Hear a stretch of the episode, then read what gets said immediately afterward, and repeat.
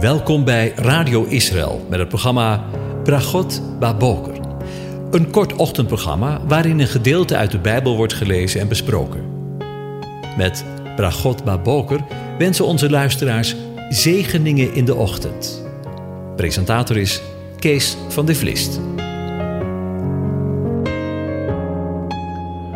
Hartelijk welkom, beste luisteraars. Vanmorgen gaan we weer verder met Psalm 22. Ik lees de hele psalm aan je voor. Een psalm van David, voor de koorleider op de hinde van de dageraad. Mijn God, mijn God, waarom hebt u mij verlaten? Bent u ver van mijn verlossing, van de woorden van mijn jammerklacht? Mijn God, ik roep u overdag, maar u antwoordt niet, en s'nachts, maar ik vind geen stilte. Maar u bent heilig, u troont op de lofzangen van Israël. Op u hebben onze vaderen vertrouwd. Ze hebben vertrouwd en u hebt hen bevrijd. Tot u hebben zij geroepen en ze zijn gered. Op u hebben zij vertrouwd en ze zijn niet beschaamd. Maar ik ben een worm en geen man, een, men, een smaad van mensen en veracht onder het volk. Alle die mij zien bespotten mij. Ze trekken de lippen op, zij schudden het hoofd en zeggen: Hij heeft zijn zaak op de Heere gewenteld. Laat die hem bevrijden.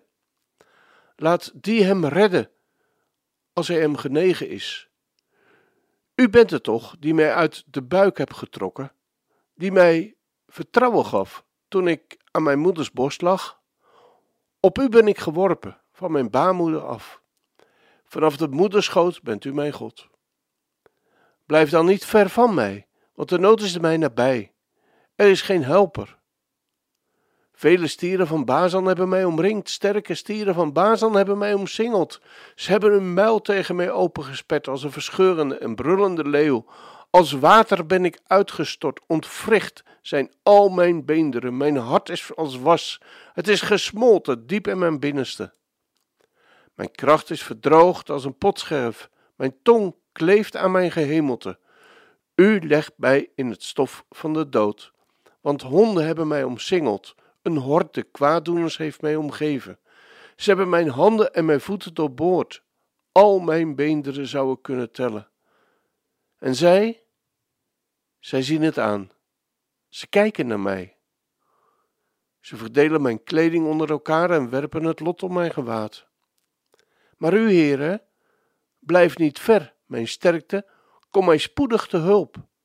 Red mijn ziel van het zwaard, mijn eenzame ziel van het geweld van de hond. Verlos mij uit de muil van de leeuw, van de horens van de wilde ossen. Ja, u hebt mij verhoord. In uw naam, ik zal uw naam mijn broeders vertellen. In het midden van de gemeente zal ik u loven. U, die de Heere vreest, loof hem. Alle nakomelingen van, de, van Jacob, vereer hem. Wees bevreesd voor hem, alle nakomelingen van Israël, want hij heeft de ellendige in zijn ellende niet veracht en niet ver, verafschuwd. Hij heeft zijn aangezicht niet voor hem verborgen, maar hij heeft gehoord toen hij tot hem riep. Van nu al, van u zal mijn lof zijn in een grote gemeente. Mijn gelofte zal ik nakomen in het bijzijn van wie hem vrezen. De zachtmoedigen zullen eten en verzadigd worden. De Heere, wie de Heere zoeken, zullen hem loven. Uw hart zal voor eeuwig leven. Alle einden der aarde zullen eraan denken en zich tot de Heere bekeren. Alle geslachten van de heidevolken zullen zich voor uw aangezicht neerbuigen, want het koningschap is van de Heere. Hij heerst over de heidevolken. Alle groten der aarde zullen eten en zich neerbuigen. Alle die in het stof neerdalen en hun ziel niet in het leven kunnen behouden, zullen, zijn aangezicht, zullen voor zijn aangezicht neerbukken. Het nageslacht zal hem dienen en aan de Heere toegeschreven worden tot in generaties. Ze zullen komen en zijn gerechtigheid verkondigen aan het volk dat geboren zal worden, want hij heeft het gedaan. Over ballingschap gesproken. De voorgaande keer hebben we stilgestaan bij de stieren van Bazan. En wanneer je de woorden uit de psalm maar even op je in laat werken, dan raak je onder de indruk van het verschrikkelijke lijden dat hij, die alle macht had en heeft op hemel en op aarde, voor jou en voor mij heeft doorstaan. Vele stieren van Bazan hebben mij omringd. Sterke stieren van Bazan hebben mij omsingeld. Ze hebben hun muil tegen mij opengesperd als een verscheurende en brullende leeuw. Als water ben ik uitgestort, ontwricht zijn al mijn beenderen, mijn hart is als was. Het is gesmolten, diep in mijn binnenste. Mijn kracht is verdroogd als een potscherf. Mijn tong kleeft aan mijn gehemelte. U legt mij in het stof van de dood. Want honden hebben mij omsingeld, een horde kwaaddoeners heeft mij omgeven. Ze hebben mijn handen en mijn voeten doorboord. Al mijn beenderen zouden kunnen tellen. En zij, zij zien het aan. Ze kijken naar mij. Ze verdelen hun kleding onder elkaar en werpen het lot om mijn gewaad. Tot zover. Ik heb het al eerder gezegd. De profetie over het lijden en sterven van de Messias is zo specifiek en werd opgeschreven duizend jaar voor de kruisiging. Wie had kunnen denken dat de soldaten een lot zouden werpen over de kleding van de Messias? Dit was een Romeins gebruik. Bij een kruisiging verdeelden de soldaten de kledingstukken van de veroordeelde man onder elkaar door te loten. En de psalm beschrijft deze en andere details van de kruisiging zo nauwkeurig en dat in een millennium voordat de gebeurtenis daadwerkelijk plaatsvond. Des te indrukwekkender en fascinerender is het feit dat de kruisdood pas 600 jaar nadat David deze psalm schreef en ongeveer 400 jaar voor de dood van Christus werd uitgevonden. De woorden uit vers 17 geven heel specifiek de kloof aan die er kan zijn tussen de Bijbeluitleg in het Jodendom en in het christendom. Wij christenen lezen in vers 17 in de herziende statenvertaling: Want honden hebben mij omsingeld, een horde kwaaddoeners heeft mij omgeven. Ze hebben mijn handen en mijn voeten doorboord. Gaan we naar de Joodse vertaling, dan lezen we: Want honden omgeven mij, een rot van booswichten omringt mij. Als een leeuw verbrijzelde mijn handen en mijn voeten. Het Hebreeuwse woord dat vertaald is met doorsteken, doorboren, is kaadi. Maar dat woord kent het Hebreeuws helemaal niet. Het woord dat er het dichtst bij komt is kara. Hetgeen betekent opgraven van de grond, omhoog brengen, opdelven. In modern Ivriet is het het hart doorboren. Dakar, het libo. Maar in het Hebreeuws staat er Keari. Dat betekent als een leeuw. Wat hier bedoeld wordt, is in telegramstijl: als de leeuw zijn zij aan mijn handen en mijn voeten. Koning David spreekt over een leeuw en niet over het doorboren van handen en voeten. Dezelfde leeuw, de kleine Palestijnse leeuw, die veel in het Midden-Oosten voorkwam, noemt hij ook in vers 13 en vers 22. Ik wil hier graag een uitstapje maken naar wat de Bijbelleraar Klaas Govers over zegt. En ik citeer hem. Jesaja 53, met de ruime, brede context van Jesaja 41 en Psalm 22, hebben dezelfde achtergrond. Dan is het een interessante vraag. Wat was er eerder? Psalm 22 of Jesaja 53? De Talmud zegt: er is geen vroeger of later. Of was er een Psalm 22 en heeft die dichter van het troostboek daarbij aangeknoopt?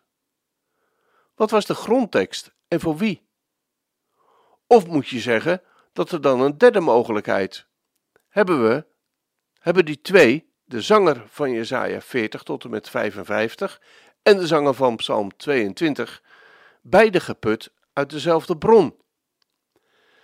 Misschien waren de zangers die in de Babylonische ballingschap die hun pijn en hun verdriet hebben uitgezongen. Misschien is het van daaruit dat waarom geboren en is het ook dat beeld verteld over die knecht in Jesaja 53, die in het donker zijn weggaat, op weg in de nacht. Zo hebben ze misschien samen een gemeenschappelijke bron gehad.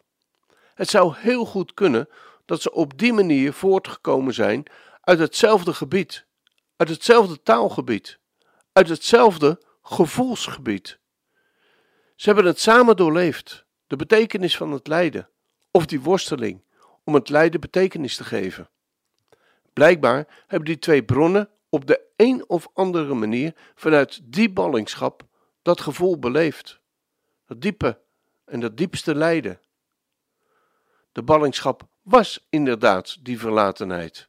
Daar, in de ballingschap, voelden ze zich voorbij de laatste grens, voorbij de laatste einder. Dan ontdek je toch iets heel wezenlijks, namelijk dat die Psalm 22 helemaal geworteld is in de ervaring van de hele generatie, of van een hele generatie of van generaties die door de ballingschap heen zijn gegaan. Op die manier hebben ze uiting gegeven aan hun diepste gevoelens.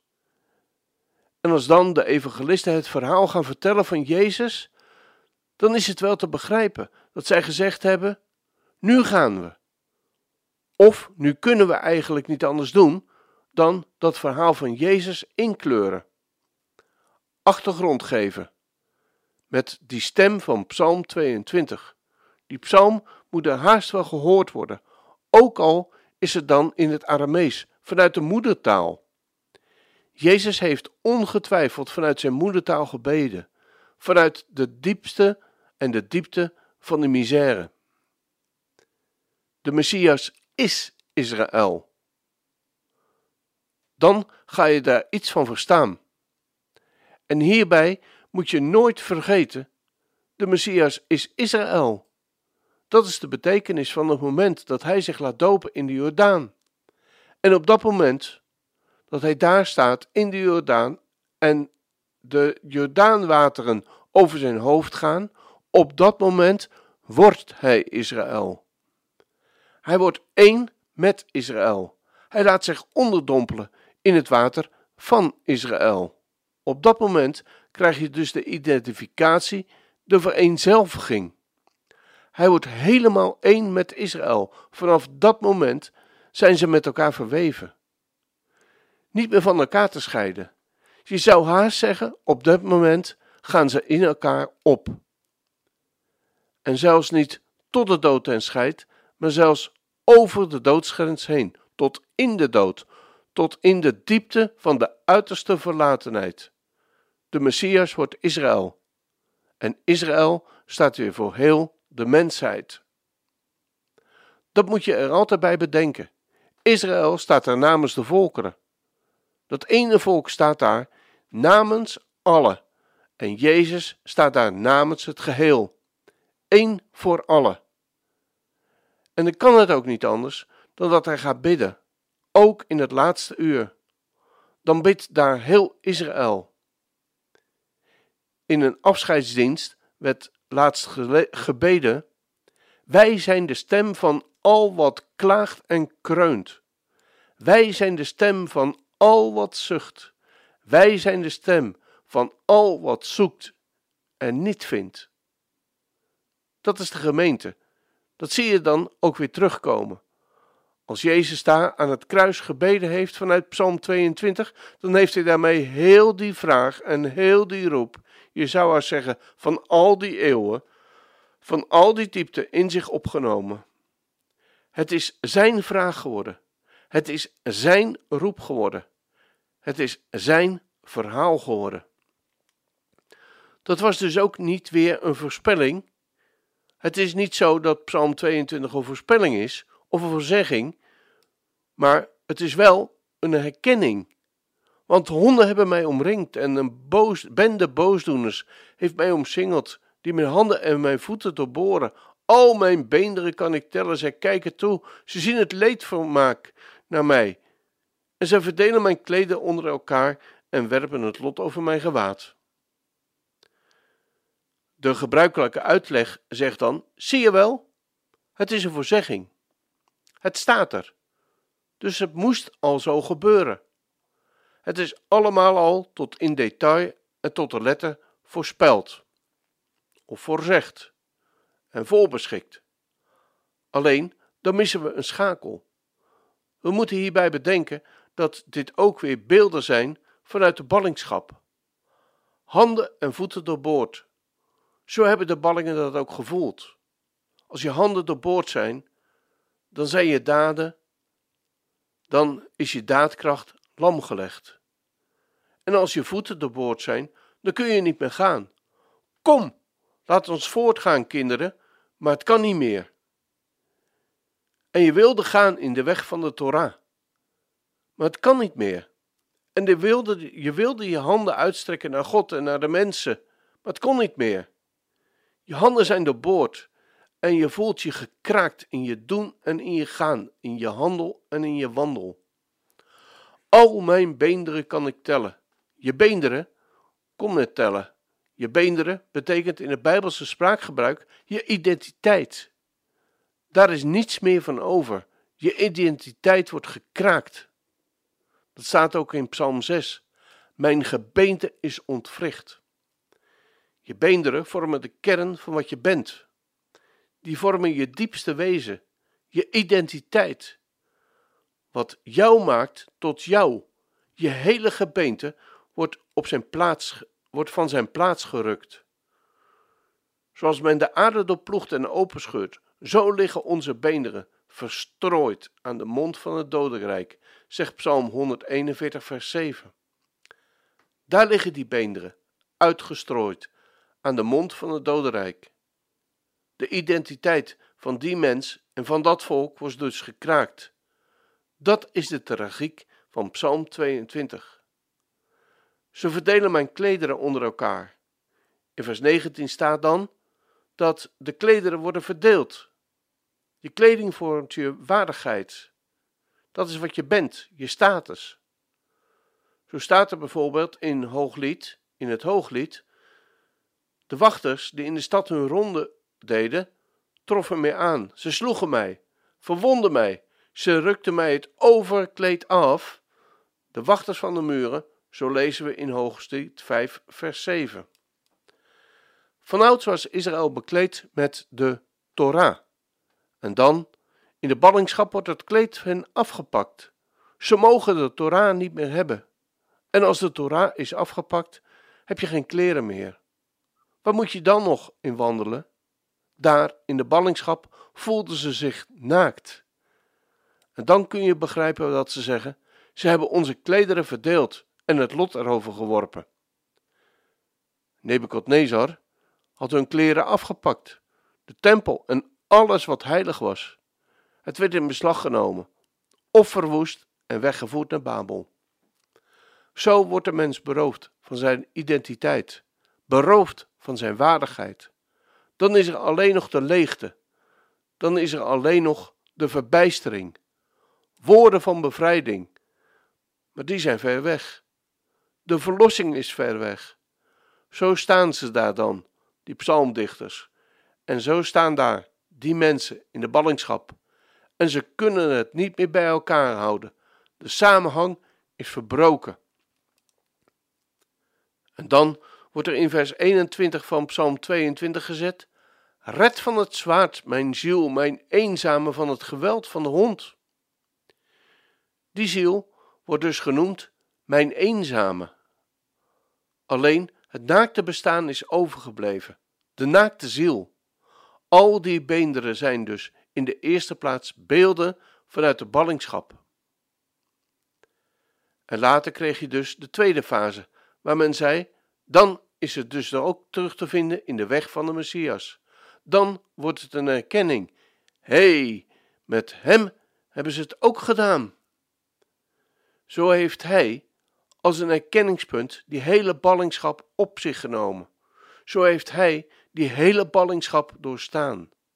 Hij is de balling geworden, met de ballingen, eenzaam met de eenzame, zwerver met de zwervers, dakloos met de daklozen, ontheemd met de ontheemde, vervreemd, samen met alle in de vervreemding. Dan ga je de verbanden in deze psalm verstaan, dan zie je ook het wonderlijke dat deze psalm gaat kantelen. Dan gaat het van Kiri naar Gloria, van klaaglied naar jubelzang in Psalm 22. Gij hebt mij geantwoord, ik zal uw naam aan mijn broeders verkondigen. Ineens wordt het een lofzang. Het is net alsof deze psalm de hele paasnacht doorgaat. En het laatste woord van de psalm is: omdat Hij het gedaan heeft. Hij heeft het gemaakt. Het laatste woord van deze psalm loopt helemaal parallel met het laatste woord van Jezus aan het kruis. Het is volbracht.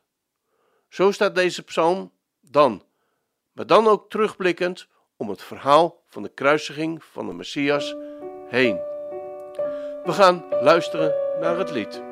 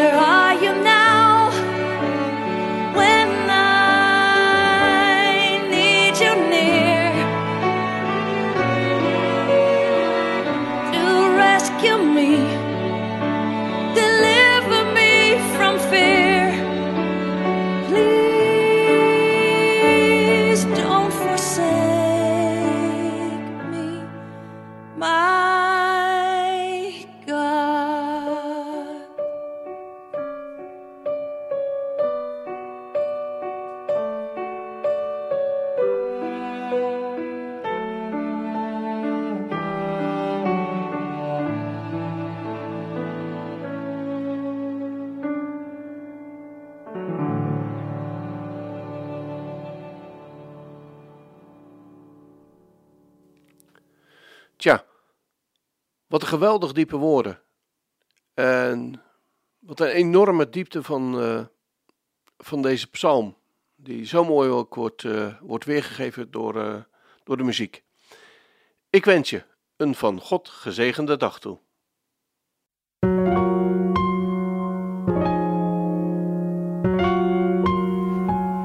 U hebt geluisterd naar het programma Bragot Baboker. Een kort ochtendprogramma waarin een gedeelte uit de Bijbel wordt gelezen en besproken. Wilt u het programma nog eens naluisteren, dan kan dat. Ga naar radioisrael.nl en klik onder het kopje radio op Uitzending gemist.